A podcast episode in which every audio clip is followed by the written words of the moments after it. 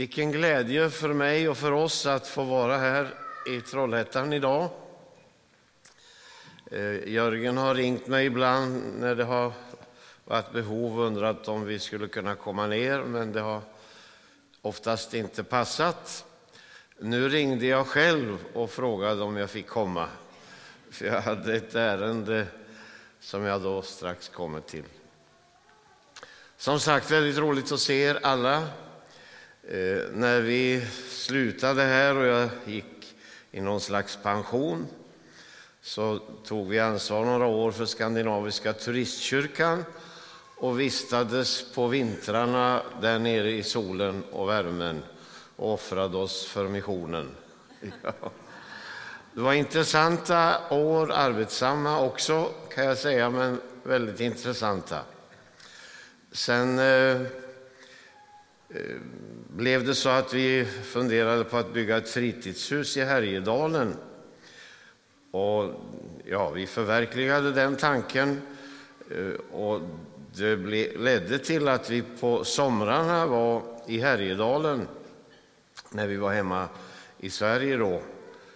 Och eh, någonting hände som gjorde att församlingen där uppe, den lilla på mellan 30 och 40 medlemmar, valde att fråga om inte vi skulle kunna bli föreståndarpar där uppe då i Härjedalen. Och vi bejakade det. Det var Bertil Olingdal som började påverka oss, en av pastorerna i vår rörelse, pastor i Smyrna, Göteborg bland annat.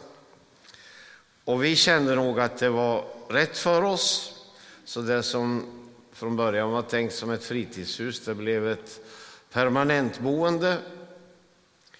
Och där har vi varit nu mycket längre tid än vad vi från början tänkte.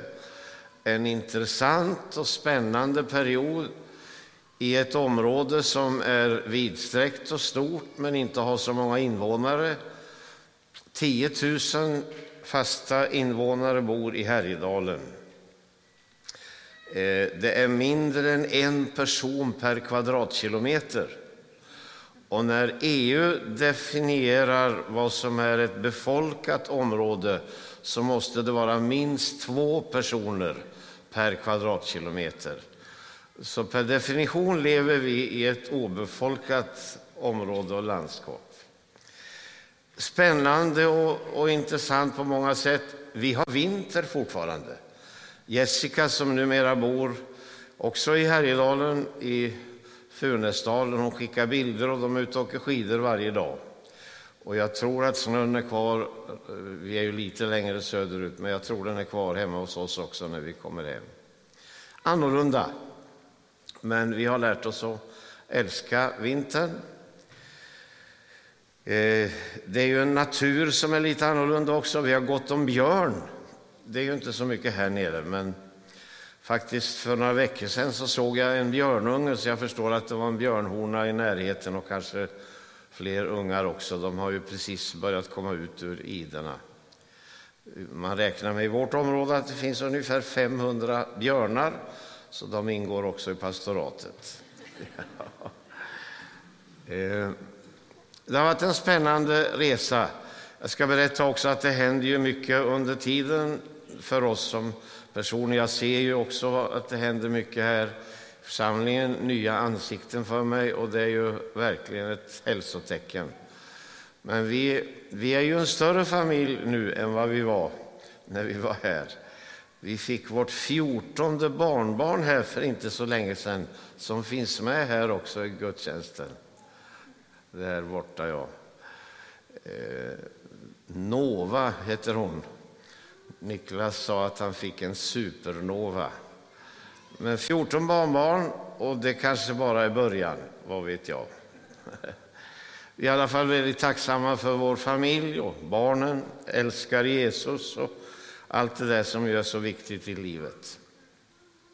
Några korta ord om Härjedalen. Eh, när jag började att arbeta så eh, en dag när jag kom ner till kyrkan så kände jag en doft som var obehaglig. Och jag följde doften och hamnade nere i källaren. Eh, vid pannrummet och den dörren gick inte att öppna. Eh, jag tog en kofot och tvingade upp dörren och det jag var med om då det önskar jag inte någon annan att få vara med om. Det var nämligen så att de gamla järnrören hade mörknat i hela fastigheten men just i pannrummet hade det gått hål på dem så pannrummet hade blivit en eh, avloppstank. Det slammade igen i brunnen och så steg vattnet efterhand och dörren svällde och det var därför jag inte fick upp den. Och så förstår ni vad som hände mig när jag öppnade dörren. Eh, det var en speciell upplevelse. Och när man då står i en sån situation så är det ju inte aktuellt med att kalla till församlingsmöte och fatta beslut om vad man ska göra och så där, utan det är bara att sätta igång. Och det gjorde vi. Och det har pågått sedan dess. Det var ju en liten församling när vi började, och det är det fortfarande, men vi har ökat rätt så mycket. Men eh, ekonomin räcker inte till för att åstadkomma det som vår fastighet behövde. Eh, vi har under de här åren samlat in ungefär två miljoner utifrån, där ni också tidigare har varit med och hjälpt till. Och de här pengarna har använts då för att göra i ordning en fastighet som annars hade ja, jag vet inte om den hade stått kvar ens på grund av att det var så nedgånget. Men vi har fått väldigt mycket gjort för de pengarna. Vi har gjort mycket arbete själva. Och nu i samband med att jag fyllde 75 så sa jag att nu är det nog tid att sluta. Och vi jobbar då med att hitta efterträdare och så där. Det är inte så enkelt, men vi jobbar med det.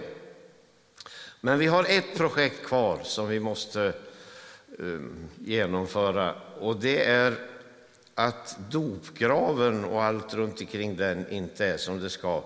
Dopgraven läcker så att när vi har dopförrättningar så måste vi fylla på vatten under dopförrättningen för att det ska vara tillräckligt med vatten att döpa i. Och så vill vi ju inte ha det. Vi har döpt faktiskt mycket utomhus under tiden här, för vi har haft en del dopförrättningar. Men eh, en kille som ni ju känner väl här har hjälpt oss att göra i ordning eh, en väldigt fin ritning. Och eh, vi har eh, fått bygglov för att göra i ordning det. Så vi ska göra om hela fronten på kyrkan och dels göra om dopkraven och alla rördragningar som då inte är som de ska vara. Eh, det blev inte ens när det gjordes och var nytt blev det som det skulle, så det behöver göras om. Och sen kommer vi att göra två Eh, doprum med duschar och sådär, så att vi kan ta emot läger. Golvyta har vi och då kommer tjejer och killar att kunna byta om och använda det här som eh, duschutrymme och så. Så det, det är det projekt som är kvar och när, när det är gjort så är nästan hela kyrkan genomgången. Och vår stadsarkitekt hon kallar vår kyrka för ett smycke i vårt samhälle i Sveg. Och det känner vi oss glada och stolta över. Men det här betyder då att eh, ja, jag har varit ute nu lite grann och kommer också i höst att resa lite grann för just det här ändamålet. Alla i, vårt, i vår församling, eh, numera är vi 56 medlemmar, kanske någon ytterligare har kommit till, det var vid årsskiftet. Eh, men vi har inte ekonomi till att hantera det här själva. Alla gör vad de kan. Jag kan försäkra er att det är så. Men eh, jag är tacksam för den här generositeten och öppenheten som har visat sig då från andra församlingar och, och så här som har gjort att det har tills nu gått så bra och jag tror att det här också kommer att gå väldigt bra. Nu är ju sånt här ändå underordnat och det är inte det viktigaste med spikar och brädor och vad det nu kan handla om, utan det är ju människor vi arbetar med.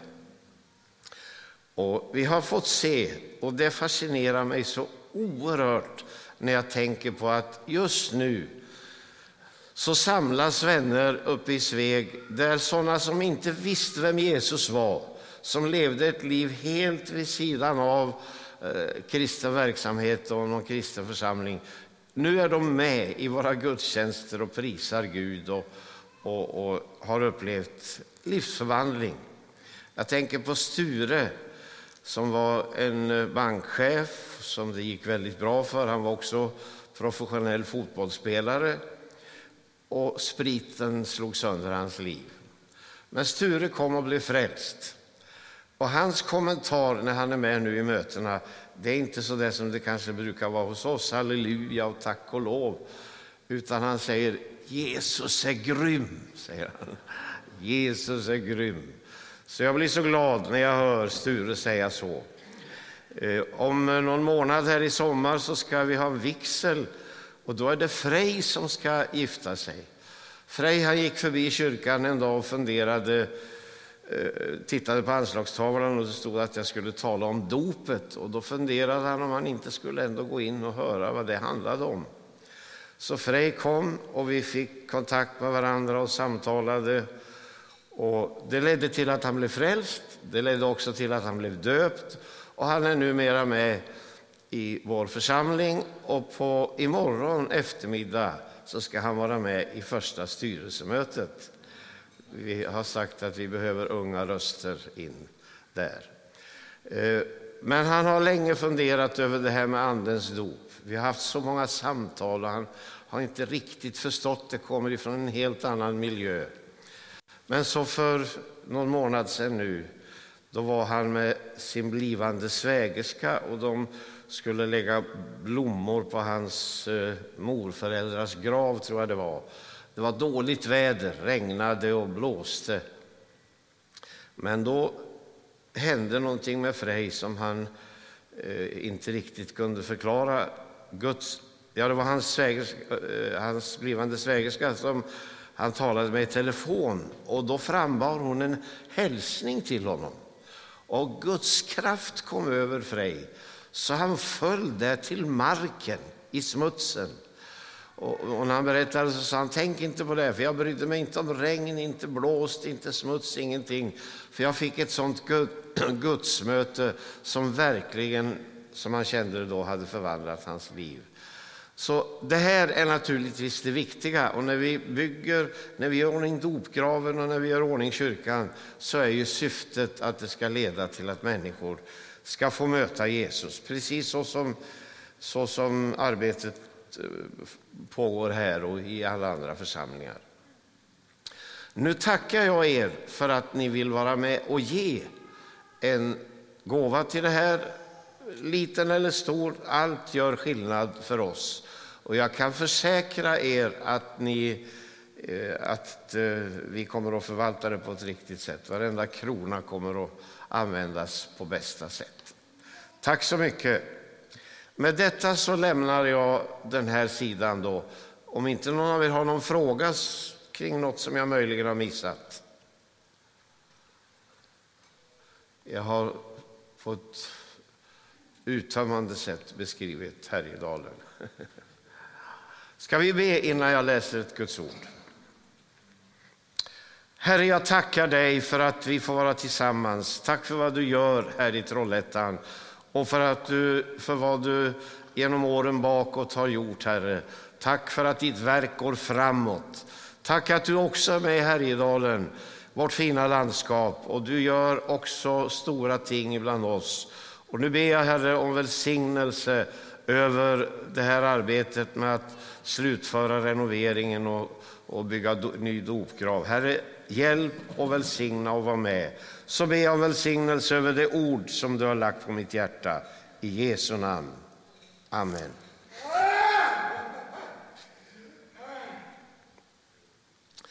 Det var också väldigt roligt, Linnea, att möta dig så här i den här rollen. Eh, gör så fint. Vi lyssnade till en av dina predikningar över nätet och vi tyckte att det var så fint. Vi blev så välsignade. Gud välsigne dig i fortsatt uppgift. Nu ska jag säga någonting som eh, har lite allvarlig prägel. Jag har ägnat mig den sista tiden åt andra Petrus brev och det andra kapitlet. Men jag vill läsa som utgångspunkt för vad jag säger ifrån Jeremia 29 och verserna 11 till 13. Jag vet vilka avsikter jag har med er, säger Herren. Välgång, inte olycka.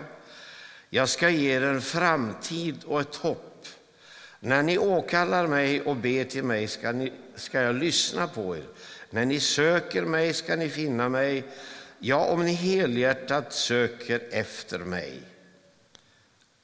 Ska jag låta er finna mig, säger Herren. Jag ska vända ett öde och samla in er från alla de folk och alla de platser till vilka jag har fördrivit er, säger Herren. Amen. Det här var ett ord från Jeremia som uttalades då och i en speciell situation och kontext. Och nu tror jag att det är ett väldigt relevant ord för oss. För Herren har goda tankar för oss. Han vill ge oss en framtid och ett hopp. Och riktigt så känns det inte när man betraktar världsläget och ser hur det ser ut och hur, hör hur människor mår. Det finns inte så mycket framtidshopp. Jag skulle vilja stanna upp inför en liten tanke. Jag ska försöka inte bli för långsam. Men till exempel Putin säger att det finns röda linjer som han inte accepterar att människor eller nationer passerar över. Här går gränsen hit, men inte längre. Det är samma med Natos ledning. Man säger på samma sätt, här går gränsen. Vi kan inte acceptera att man passerar den här gränsen. Eh, jag kunde säga, citera många andra världsledare och från politiska utgångspunkter så är det, det är samma sätt att tänka. Här går gränsen.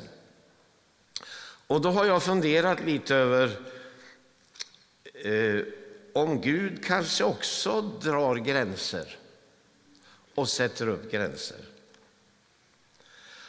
Om vi läser Petrus andra brev så kan man utifrån hans resonemang i det kapitlet, jag ska inte läsa det nu men ni kan gärna läsa det när ni kommer hem, så kan man, kan man se och uppfatta att samma allvar som är idag fanns då när Petrus sa det han eh, ville säga då i det andra kapitlet. För ett tag sedan, lite mer än ett år sedan, det var innan Ukraina invaderades av Ryssland, så ringde en ung man till mig. Eh, han berättade att han tillhörde Svenska kyrkan. Och så berättade han också att han hade sett en dröms, haft en drömsyn, lite speciell sådan. Och när han hade berättat om den för vänner så av någon anledning hade någon av dem sagt att han skulle kontakta mig för att eh, vidarebefordra och berätta det här. Så det gjorde han på telefon. Man blir alltid lite sådär skeptisk. Vi har inget uppdrag att spekulera i, i, i det här som har med den yttersta tiden att göra och vårt uppdrag är inte heller att skrämma varandra och det, det kommer ni att förstå innan jag har slutat. Eh, men man, man ska pröva, man ska lyssna, man ska pröva och man ska behålla det som är gott. Och på grund av eh, den här synens innehåll så blev den ännu starkare för mig efter eh, Rysslands invasion av Ukraina. Han sa så här. Jag såg i den här drömsynen tre vågor av attacker över vårt land. Och den första attacken eh, det handlade om att man attackerade energiförsörjning, kraftverk och, och liknande och mm, bombades och det slogs ut. Då. Den andra attacken, säger han, handlade om en eh, e IS-general som hade haft en hög befattning inom den organisationen då, men som hade tagit till, sig till Sverige och hade ju andra avsikter än vad som redovisades. Och enligt den här drömsynen då så hade han byggt upp ett nätverk av likasinnade, likasinnade som eh, då attackerade inifrån Sverige med attentat på olika sätt och skapade en väldig oro och oreda. Allt enligt den här mannens syn. Då. Det sista, den sista vågen det handlade om eh, eh någon slags invasion men mycket blodsutgjutelse, berättar han. Det här var lite koncentrerat vad han sa. Eh, för mig är inte det han sa Guds ord. Det är inte heller någonting som man okritiskt ska lyssna till. Men det blev ändå en liten signal om att det kanske inte alltid kommer att vara det folkhem som vi har vant oss vid, vårt land. Jag ber till Gud att, ska, att vi ska bevaras så att eh, vi inte ska drabbas på det sättet. Men ni vet ju eh, på, hur det på väldigt kort tid har förändrats jämfört med hur vi som är lite äldre har haft det och vad vi har vuxit upp med. Så det är en allvarlig situation trots allt. När Petrus i sitt andra kapitel, som jag citerade då, när han tar upp de här sakerna till sin samtid så berättar han om Sodom och Gomorra och han berättar om Noas ark och han, om Noa och syndafloden och han berättar också om eh, eh, falska profeter som skulle komma och, och mer därtill. Men om jag bara koncentrerar mig lite kring det här. Man kan fråga sig varför, varför när han varnar för allvaret i tiden, varför lyfter han fram frågan om Sodom och Gomorra? Sodom och Gomorra, det inträffade ju verkligen i det här området nära Döda havet som vi, man väl kan eh, lokalisera och vet vad det är. Två svenska arkeologer bedrev eh, utgrävningar på 90-talet som i väldigt hög grad och utsträckning har bevisat att det var en historisk händelse liknande den som Bibeln beskriver då på just den platsen. Innan det hände så var det ett bördigt och eh, härligt område. Det intressanta nu är att de börjar upptäcka möjligheter till bevattning just i det området och att man, man ser möjligheter till en förändring jämfört med hur det har varit då under de här årtusendena. Men det som hände i Sodom och Gomorra det liknade mycket det som händer i vår situation och i vårt land och i västvärlden och i världen. Det var en omoral som bredde ut sig. Det var en... Eh, Eh, alltså man vände Gud ryggen. Man valde att inte lyssna på det Gud sa. Man valde att inte följa de riktlinjer som Gud hade dragit upp för mänsklig samlevnad. Det här kan man ju eh, liksom fundera mycket över och jag skulle kunna ta med många exempel då som, där man kan fundera var någonstans har Gud dragit gränsen? Var, var går gränsen för hur långt det kan gå? Om man bara tänker på den, den tanken nu att under innevarande år så kommer någonstans 36 38 000 foster att aborteras. Eh, jag tillhör inte de som vill lägga sten på bördor för de unga människor som hamnar i väldigt, väldigt svåra situationer på grund av oönskad graviditet. Eh, jag deltar regelbundet i själavård med sådana människor och försöker representera den människosyn och den kärlek som Jesus visade människor. Men sen den här lagen antogs, den abortlag som vi har idag, sen den antogs så har så många människor i Sverige så att det är fler än de som bor i Stockholm sammantaget nu som aldrig fick chansen att leva sitt liv. Vi vet inte vad vilka begåvningar och vilka utrustade människor det var och vad de hade kunnat tillföra vårt samhälle. Men det man kan fundera över det är hur långt accepterar Gud att vi går på det här området? Alltså lagstiftning. Det står i Thessalonikerbrevet om, om att den yttersta tiden ska kännetecknas av laglöshet. Laglöshetens människa. Betydelsen av det är att det ska bli lagligt att göra det som är olagligt. Det vill säga, eh, det som då finns utifrån tio Guds bud och i skriften, det kommer att eh, vara underordnat det den lagstiftande församlingen i respektive land och i vårt land säger. Och just det här är ju ett sådant exempel. Eh, och då kan man fundera, hur tänker Gud? Hur långt tillåter han att det går?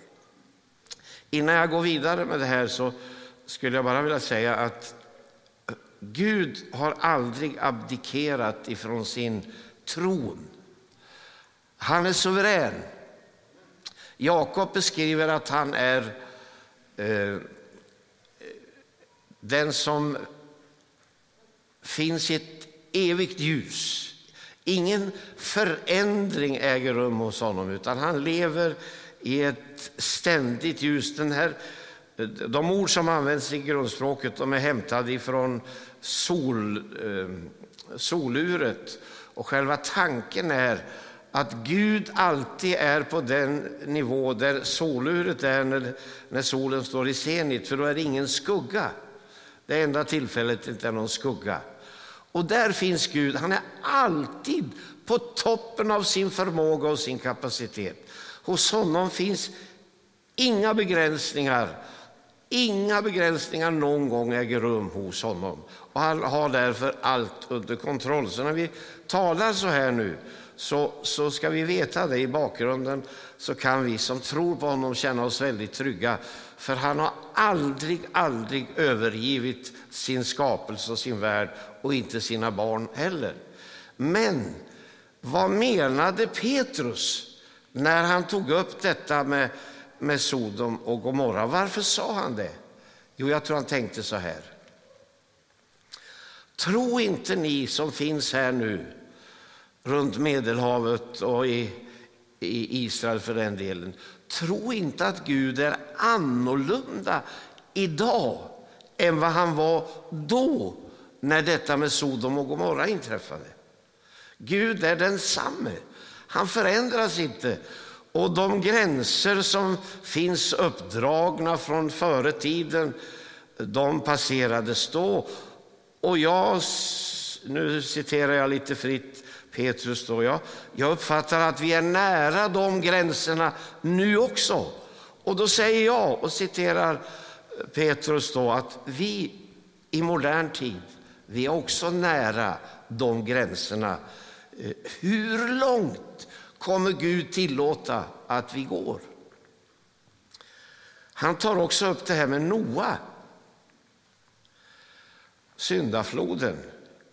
Det är också en väldigt intressant Eh, händelse där Gud ångrade att han hade skapat eh, världen på grund av att synden tog över och man vände Gud ryggen.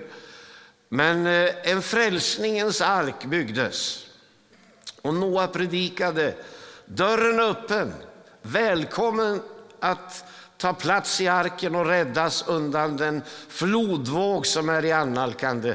Och han predikade dag efter dag, år efter år. Men folk lyssnade inte. Så till slut kom det som Noa hade predikat om och det sköljde ner, det regnade och det regnade. Och det var bara Noas familj som hade valt att lyssna på Gud och gå in i arken. Så vad menar Petrus med att säga det? Jo, han säger att eh, Gud är nådefull och barmhärtig. Och han vill frälsa, han vill rädda. Trots att det är en ond tid, en svår tid och en tid då väldigt många vänder Gud ryggen så vill Gud rädda och frälsa. Och Petrus tanke med att lyfta det här, det är kanske liknande det som var med Sodom och Gomorra, att Gud ändras inte. Han som lät en syndaflod komma då, han vet vad som eh, ska hända i modern tid av katastrofer för att liksom sätta gränser. Jag har en känsla av att han står där med, eh, med sitt, eh, sin klocka och, och säger att snart är klockan tolv och nu är det stängningsdags. Ungefär så kan man tänka. Men i alla fall så blev det ju så att Noa och hans familj räddades. Men det är så i vår tid också. Det har, det har aldrig för mig varit så öppet att tala med människor om de existentiella frågorna som det är nu. Jag fightas lite grann med en cancer i min kropp. Jag tycker det går bra. Jag har mött svensk sjukvård när den är som allra bäst. Men jag var lite oförsiktig i början och det har blivit lite metastaser och, och så som jag får fightas med. Men det går bra. Men en läkare som skulle själavårda mig lite då, han undrar hur jag tar det här och hur jag mår och, och så där. Och då sa jag till honom så här att jag, jag tycker faktiskt att det skulle vara spännande att få facit och se effekterna utav, eller se, se liksom resultatet av det här som jag då har predikat om och trott om. Jag hade ju berättat att jag, att jag var pastor och teolog och så där. Och när han hörde mig säga så, så blev han så fascinerad och tyckte att det var så spännande att jag tänkte den tanken att det skulle vara fascinerande att gå över gränsen och liksom få reda på det jag inte ännu vet. Som Aino vet. De som har gått före vet. Men i alla fall så fick vi ett samtal där det visade sig att för honom var också de här frågorna eh, varför lever jag, varför finns jag och vad, vad är det liksom hur är det med Gud och med det här som de kristna tror? Det var viktiga frågor för honom också. Och jag är säker på att det är likadant över hela vårt land, på din arbetsplats, i ditt bostadsområde där du bor. Vi har aldrig haft sådana möjligheter att presentera det Jeremia talade om, ett hoppfullt budskap, så som vi har nu. Är det någon som representerar framtid och hopp så är det vi som tror på Jesus, tror på hans återkomst och tror på en ny himmel och en ny jord. Det finns en framtid, även om det skulle bli svårare än vad det är idag i vårt sammanhang och i vårt land. Ni vet ju att runt vår jord så är det många som har det mycket svårare, men vi har det ju bra. Men även om det skulle bli svårare så kommer Gud att vara den som bistår oss i alla situationer. Till slut så vill jag citera då att Petrus talar om eh, falska profeter. Och sådana finns ju. De definieras också i, i Bibeln. Eh, det är sådana som frambär det som inte är sant, lögn och förvillar folk. Men han tar ett intressant exempel. då. Han nämner om Biliams åsna. Kommer ni ihåg den? Biliam och hans åsna. Biliam hade fått i uppdrag att välsigna Israel. Men av olika anledningar så hade han bestämt sig för att göra det motsatta och var på väg att förbanna Israel. Och det var inte någonting som Gud såg med välbehag till. Och då var han nu på väg med sin åsna och gick för att liksom uträtta den här förbannelsen då som man hade önskat att han, fienden hade önskat att han skulle uttala den. Och när han går så stannar åsnan. Bara stannar så där med envis åsna. Och Biliam blir arg och börjar slå åsnan. Och till slut blir åsnan arg på Biliam och börjar tala på det språk som var Biliams språk. Jag vet inte om ni någon gång har varit med om att husdjur eller kreatur har talat till er. Men det finns ju papegojor, men annars det hörde ju inte till det vanliga. Men åsnan talar och säger till Biliam, ser du inte att det står en ängel i vägen? Och det såg han först då. Och så förstod han ju att han var ute i fel ärende och det slutade med att eh, han välsignade då istället för att förbanna. Och varför berättar Petrus det? Om Biliams åsna. Jo, jag tänker så här att Petrus nog funderade över det kan ju uppstå väldigt märkliga situationer. Eh, det gör det för oss. Över tid så får vi vara med om sånt som är svårt och sånt som eh, går en annan väg än vi har tänkt och, och så där. Men Gud vet inga gränser för hur han kan och vill och, och, hur han kommer att vara med och påverka vår situation. Alltså när, när åsnan hjälper Biliam att komma rätt genom att tala. Ni ser på reklamavsnitt i tv ibland hur hästar eh, försöker i alla fall eh, tala. Så, så, alltså Gud vet inte av några gränser för hur han ska bistå oss och hjälpa oss i olika situationer. Även när vi är fel i tanken, fel i handling och på väg åt fel håll, så vet Gud hur han ska korrigera oss. Och han älskar oss så mycket så han kommer att vilja göra det. Jag var för några år sedan i Kina och eh, vi skulle möta ledare för den underjordiska kyrkan. Det var i Shanghai och det hade bestämts ett hotellrum dit vi en sju, åtta personer skulle gå. En och en och med tid emellan så vi liksom inte skulle avslöja att vi gick dit. Och vi gjorde så. Och jag kommer dit till det där rummet och andra också då. Eh, någon ytterligare kollega från Sverige och så någon från Norge och så var det kinesiska kollegor. Då möter vi pastor Chen. Han sitter där och han berättar för oss om sin resa fram till då. I den stad där han arbetade så hade väckelsen utbrutit och många tusen hade blivit frälsta.